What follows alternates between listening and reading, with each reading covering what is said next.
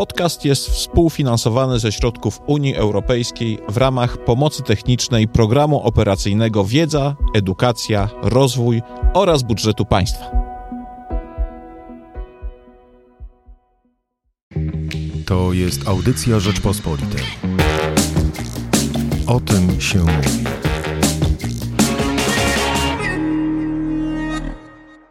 Witam Państwa, Marcin Piasecki, jest ze mną gość, pan dr Radosław Piotrowicz z Akademii Pedagogiki Specjalnej. Dzień dobry, panie doktorze. Dzień dobry, panie redaktorze. E, rozmawiamy w ramach cyklu poświęconego edukacji włączającej. Roz, rozmawiamy o różnych aspektach dotyczących edukacji włączającej e, i chciałbym, żebyśmy z panem doktorem porozmawiali o kwestii, zaczęli od kwestii wczesnej pomocy dla dziecka, dla e, dzieci. Jak e, rozpoznać takie pierwsze symptomy, że dziecko mm, potrzebuje pomocy, pomocy pedagogicznej, być może psycho, psycho, psychologicznej, być może jakiejś innej e, medycznej. Jak to zrobić? Po pierwsze, rozpoznanie, po pierwsze, kluczowym aspektem jest obserwacja dziecka. I ta obserwacja dziecka przede wszystkim ma na celu zobaczyć, czy ten rozwój dziecka przebiega do przodu, czy dziecko osiąga kolejne jakby umiejętności, kolejne etapy rozwojowe. Inaczej mówiąc, czy zmienia się jego zachowanie, zmienia się jego zachowanie na plus. Pojawia się uśmiech, pojawia się nawiązywanie kontaktu wzrokowego, dziecko patrzy, uśmiecha, zmienia, reaguje mimiką na naszą mimikę wyciąga rączki w kierunku przedmiotów, zabawek, wyciąga rączki w kierunku nas jako osoby, mamy, tatę, wydaje dźwięki w momencie, kiedy się pochylamy nad, nad dzieckiem, uśmiechamy się, za moment zrobimy minę w podkówkę, pojawia się u dziecka zdziwienie, pojawiają się wielkie oczy, dziecko jakby nasłuchuje, bardziej się przygląda, zaczepia, przywołuje, tak? Pojawia się też płacz, ale płacz, który jest sygnałem komunikacyjnym, a więc ten płacz jest zróżnicowany. Można szybko nauczyć się z czasem, z dniem, dzień po dniu, rodzic uczy się tego, co ten płacz oznacza. Z jednej strony będzie oznaczał, e, że dziecko jest głodne, z drugiej strony będzie oznaczał, że zwróci na mnie uwagę, z jednej strony, że coś mu dolega, może coś go boli, a może jest po prostu, że jest mu niewygodnie. Ten płacz jest bardzo często, musi być jakby zróżnicowany.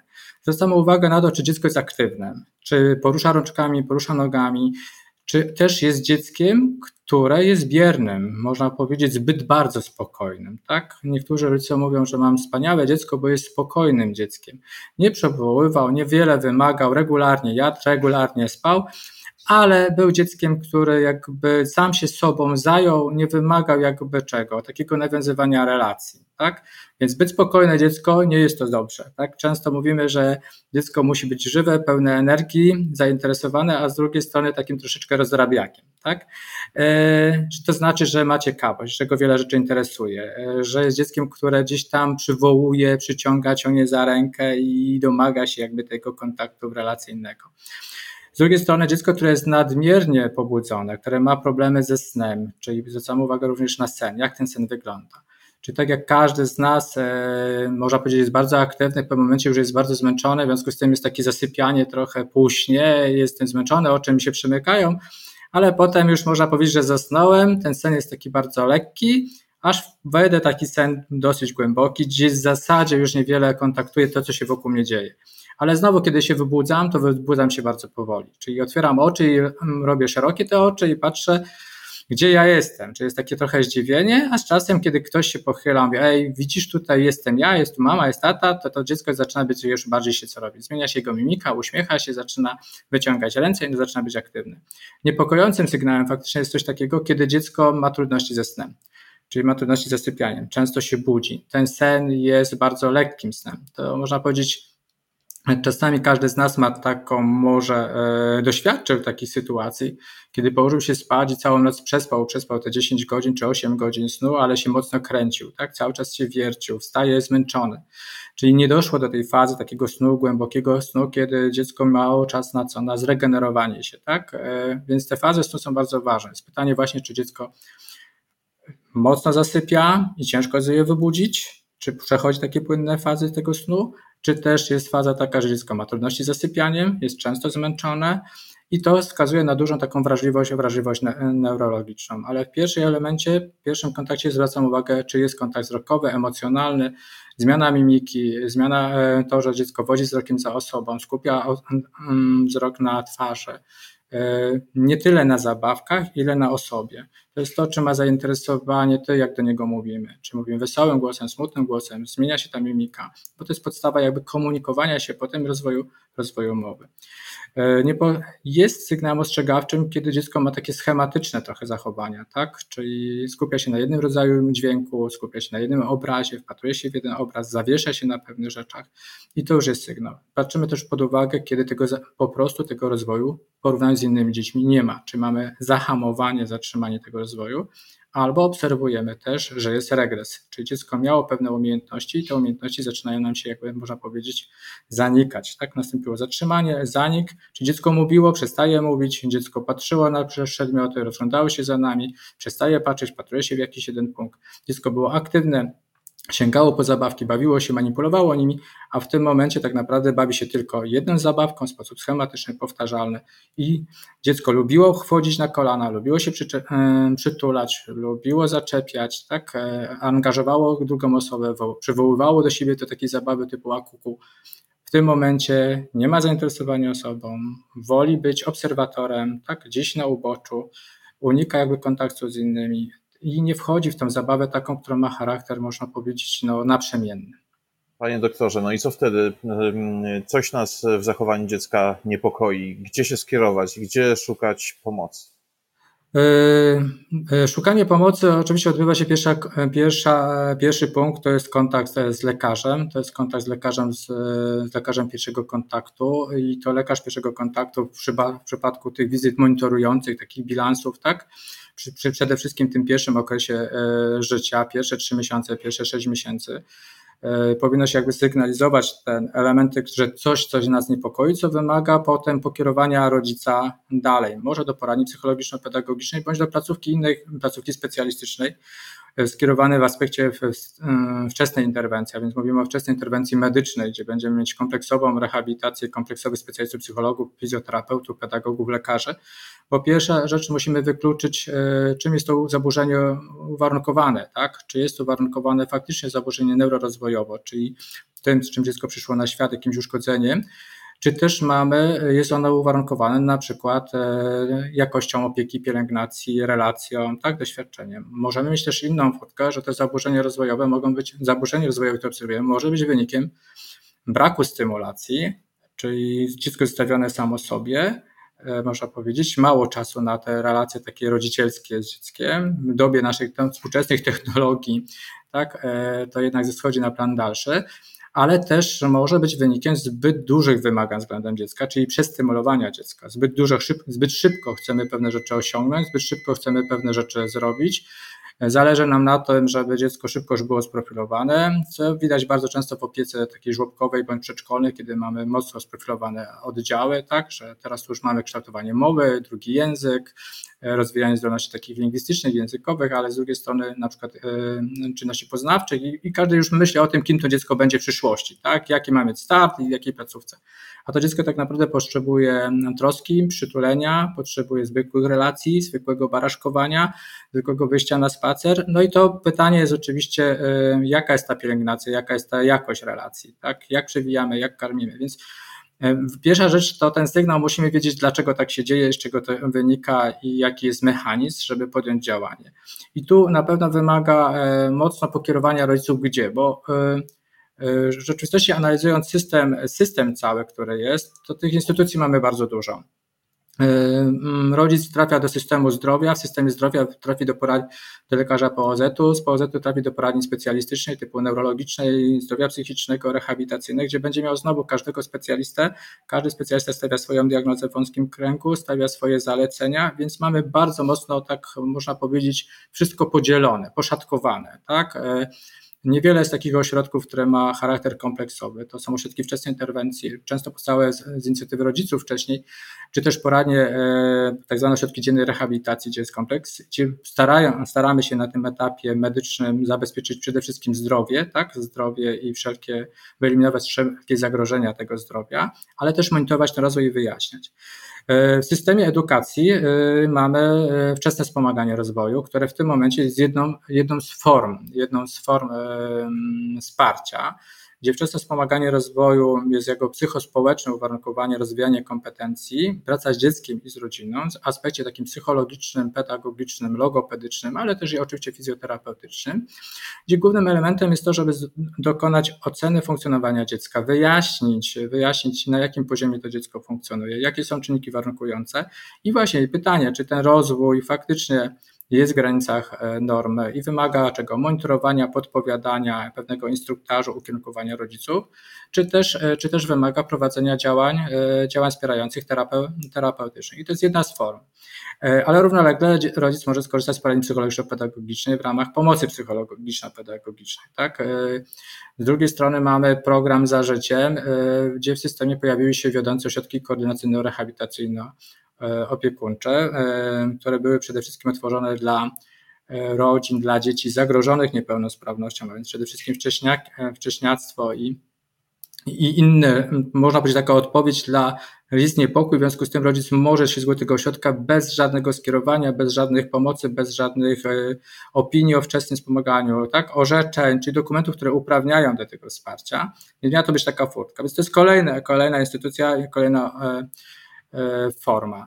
Ale też mamy e, szereg programów, które są programami realizowanymi ze środków różnych unijnych, jak i programów PFRON-owskich, czyli dofinansowania Państwowego Funduszu Rehabilitacji Osób Niepełnosprawnych, gdzie też będą się zajmować. Więc tak naprawdę rodzic może widzieć bardzo wiele różnych form, ale to, co cechuje, że w każdym sektorze te formy są oddzielnie. E, nie ma pewnej spójności, nie ma połączenia, nie ma kompleksowości, więc ten rodzic tak naprawdę jest troszeczkę w takim E, chaosie, tak, e, nadmiaru informacji i będzie korzystał z każdej formy, która jest dla niego dostępna. Natomiast pytanie jest zawsze, czy ilość tych e, działań podejmowanych będzie na tyle skuteczna, żeby wspomóc rozwój dziecka, czy też może czasami być, że ten nadmiar tych działań nie, nie przekłada się nie przekłada się na jakość, tak, na jakość dzielonego wsparcia i nie przekłada się na tę efektywność wyrównywania szans rozwojowych dziecka.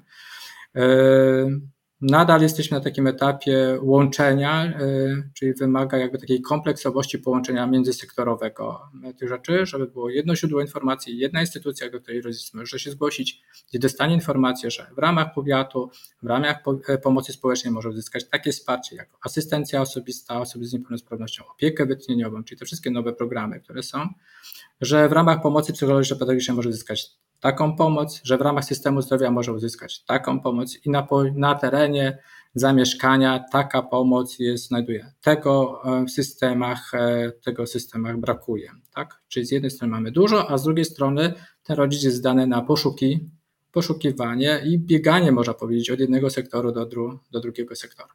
A proszę mi powiedzieć, jak w takiej sytuacji, kiedy dziecko wymaga szczególnej opieki, e, zaplanować i co ważne, wdrożyć e, ścieżkę edukacyjną właśnie dla takiego dziecka wymagającego, wymagającego tejże szczególnej opieki. E, zaplanowanie ścieżki to jest, e, jeżeli mówimy o dziecku, które ma dopiero kilka miesięcy albo przyszło na świat i będziemy, istotnym elementem będzie zawsze ten monitorowanie rozwoju, czy taka szeroko rozumiana profilaktyka.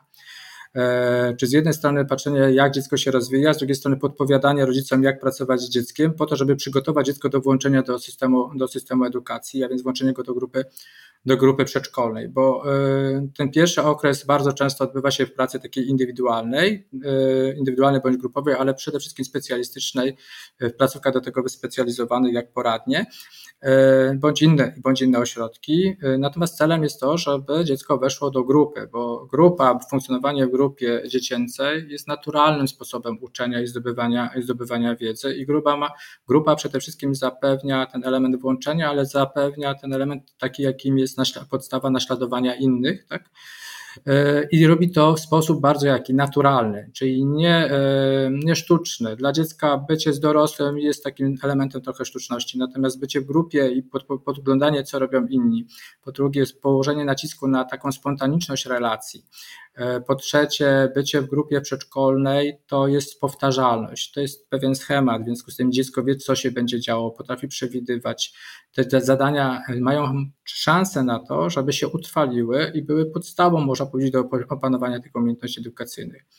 Natomiast pod, e, wejście do grupy wymaga znowu analizy tego, co się działo wcześniej, czyli co było wcześniej, jak to dziecko funkcjonuje, jakie były podjęte działania, jaka jest efektywność tych działań i jaka by, jaki był realizowany program tego wsparcia. Czyli mówimy tutaj o i ocenie e, dziecka, diagnozie, diagnozie klinicznej, jak i ocenie funkcjonalnej, czy jak dziecko funkcjonuje, na jakim etapie, jak wyglądała dynamika rozwoju umiejętności, czy pojawiały się okresy zastoju, bo to będzie wymagało, że wchodząc do grupy e, edukacyjnej, trzeba będzie dostosować wymagania pod kątem właściwie tempa uczenia dziecka i stopnia nabywania kompetencji. Chodzi po prostu o to, żeby nie wyprzedzić, nie wyprzedzać pewnych etapów, nie robić zadań, które będą zadaniami za trudnymi, nie włożyć dziecka w wymogi edukacyjne, które są wymogami programowymi, które z góry może się okazać, że są wymogami zbyt trudnymi, zbyt e, na wysokim poziomie, a wymaga w tym momencie pewnej aranżacji i przestrzeni, i sposobu uczenia. Czyli nie rzecz polega na tym, żeby dziecku pewne rzeczy nie uczyć, tylko polega w tym momencie na tym, jak uczyć, w jaki sposób i jak to zrobić w ramach e, codziennych, e, codziennych aktywności, czyli w trakcie grupy. Czyli no znowu nie jest to e, celem to, że dziecko ma trudności, to pracuje indywidualnie, tylko ono ma być w grupie. Ale te działania, oczywiście indywidualne, są w zależności od tego, jaki jest poziom zaburzeń, trudności, one będą miały swoje znaczenie i będą, będą potrzebne. Ale ważne jest to, żeby y, na poziomie edukacyjnym przejście, tranzycja, przejście do przedszkola z placówki typu poradni, jak i przejście z przedszkola do szkoły był w sposób płynny. E, tego, czego nam w tym momencie tak naprawdę brakuje, to brakuje nam takiej właściwie tranzycji, przepływu informacji, co było z dzieckiem robione, na jakim poziomie. Często dany etap zaczyna się od tego, że zaczynamy znowu robić diagnozę, znowu zaczynamy robić ocenę, znowu szukamy, badamy to dziecko, znowu ucieka nam czas na planowanie pracy, mimo że już wcześniej wiele rzeczy, można powiedzieć, powinno być i jest. Natomiast no nie ma tej tego płynnego przejścia. Więc e, to też zależy od tego, jaki stopień zaburzeń rozwojowych, bo tu trzeba powiedzieć jasno, będzie to edukacja włączająca, więc będzie to e, szkoła ogólnodostępna czy szkoła integracyjna, która jest najbliżej miejsca zamieszkania, bo chodzi o to, żeby faktycznie dziecko nie było wyrwane tej społeczności, bo musimy myśleć o przyszłości. To, co my teraz zajmujemy się małym dzieckiem, musimy myśleć o tym, co będzie za 5, za 10, 15, 20 lat. Kluczem dla rodziny jest zawsze patrzenie w przyszłość. Dzisiaj może koncentrujemy się na dziecku, koncentrujemy się na niepełnosprawności, na trudnościach, natomiast e, muszą, będą musieli zmierzyć się z tym e, zagadnieniem przez całe życie na różnych etapach. Będą musieli zastanawiać, czy moje co jest celem, można powiedzieć. Czy celem jest skończenie szkoły i opanowanie wiedzy programowej, czy celem jest funkcjonowanie w życiu na takim poziomie, żeby dać sobie radę w przyszłości żeby mieć poczucie niezależności, żeby mieć, być, można powiedzieć, szczęśliwym, rozwijać swoje zdolności, umiejętności. No i przede wszystkim e, z myśleniem e, długo, długo daleko przyszłość, co się stanie, kiedy nas jako rodziców zabraknie, tak? Bo z jednej strony będziemy mieć dzieci, które będą wyrównywać i będą świetnie wpasowywać się i będą świetnie sobie dawać radę, mimo że pewne umiejętności wiedzy nie będą może w stanie osiągnąć, co jest naturalnym, bo jeżeli każdy z nas prześledzi swoją edukację i przeanalizuje, ile rzeczy się uczył i jakich treści się uczył, i, i po pięciu, sześciu latach, jakbyśmy zrobili egzamin z tych treści, to się okaże, że pamiętamy niewiele. Pamiętamy to, co w życiu faktycznie wykorzystujemy, co nam jest przydatne i co daje nam taką możliwość zabezpieczenia, bezpiecznej przyszło- zabezpieczenia przyszłości, prawda?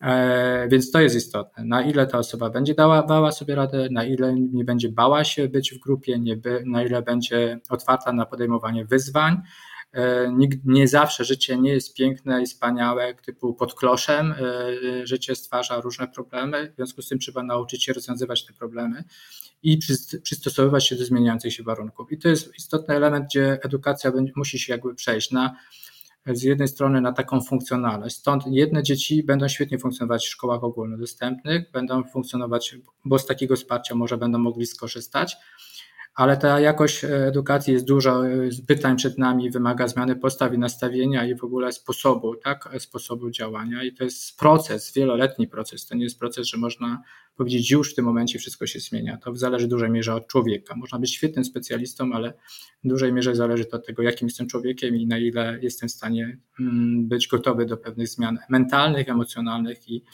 i w jaki sposób postrzegam to, tego ucznia, postrzegam e, tą osobę.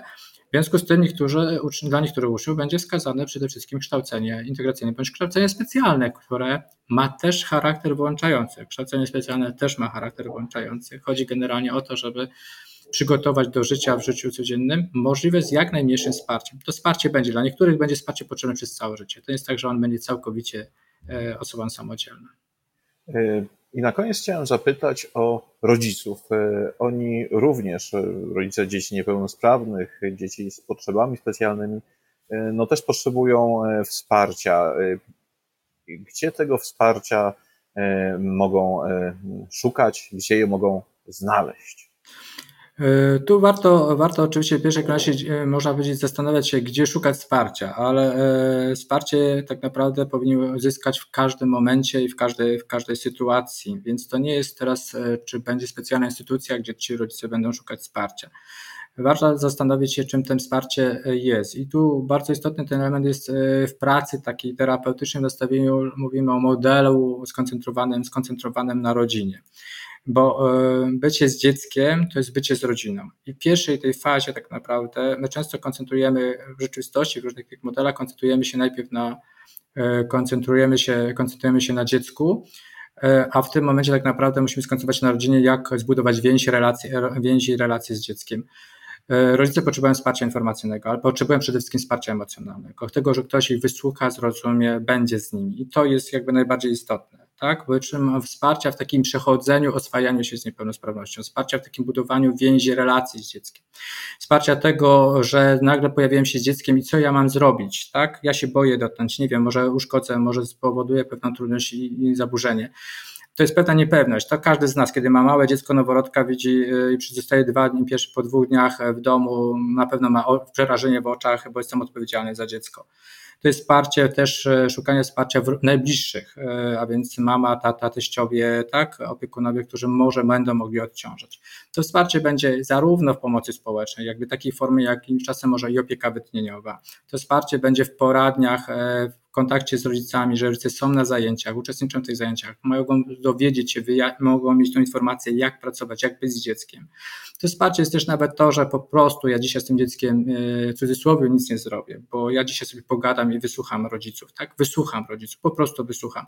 Może czasami przytulę, e, e, może wysłucham to, jakie oni mają oczekiwania to wsparcie też polega na tym, żeby wczuwać się w to, co ci rodzice czują. Wejść trochę w empatię ich, bo bardzo łatwo jest osądzać e, i dawać program zadania do realizacji, dużo zadań, kiedy na przykład się okazuje, że ci rodzice nie mają po prostu czasu wolnego na to, żeby się spotkać, tak? żeby ze sobą usiąść, wypić kawę, porozmawiać. Tak? Oni są w gąszczu. My jesteśmy w takim fazie, etapie życia w pedagogice, w ogóle w terapeutycznej, że mamy bardzo dużo metod. Y, idzie duży postęp terapeutyczny, postęp diagnostyczny, ale to ci pociąga za sobą bardzo różne, wiele różnych podejść, metod, terapii.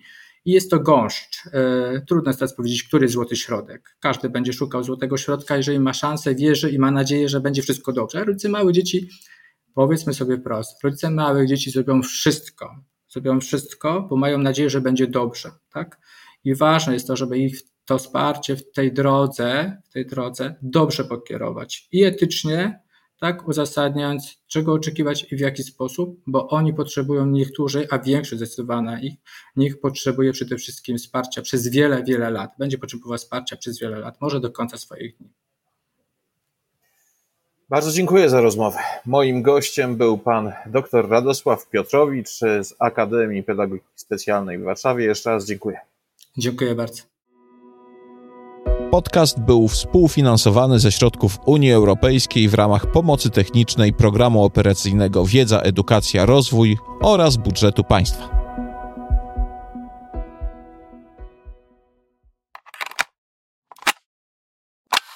Słuchaj więcej na stronie podcasty.rp.pl. Szukaj Rzeczpospolita Audycje w serwisach streamingowych.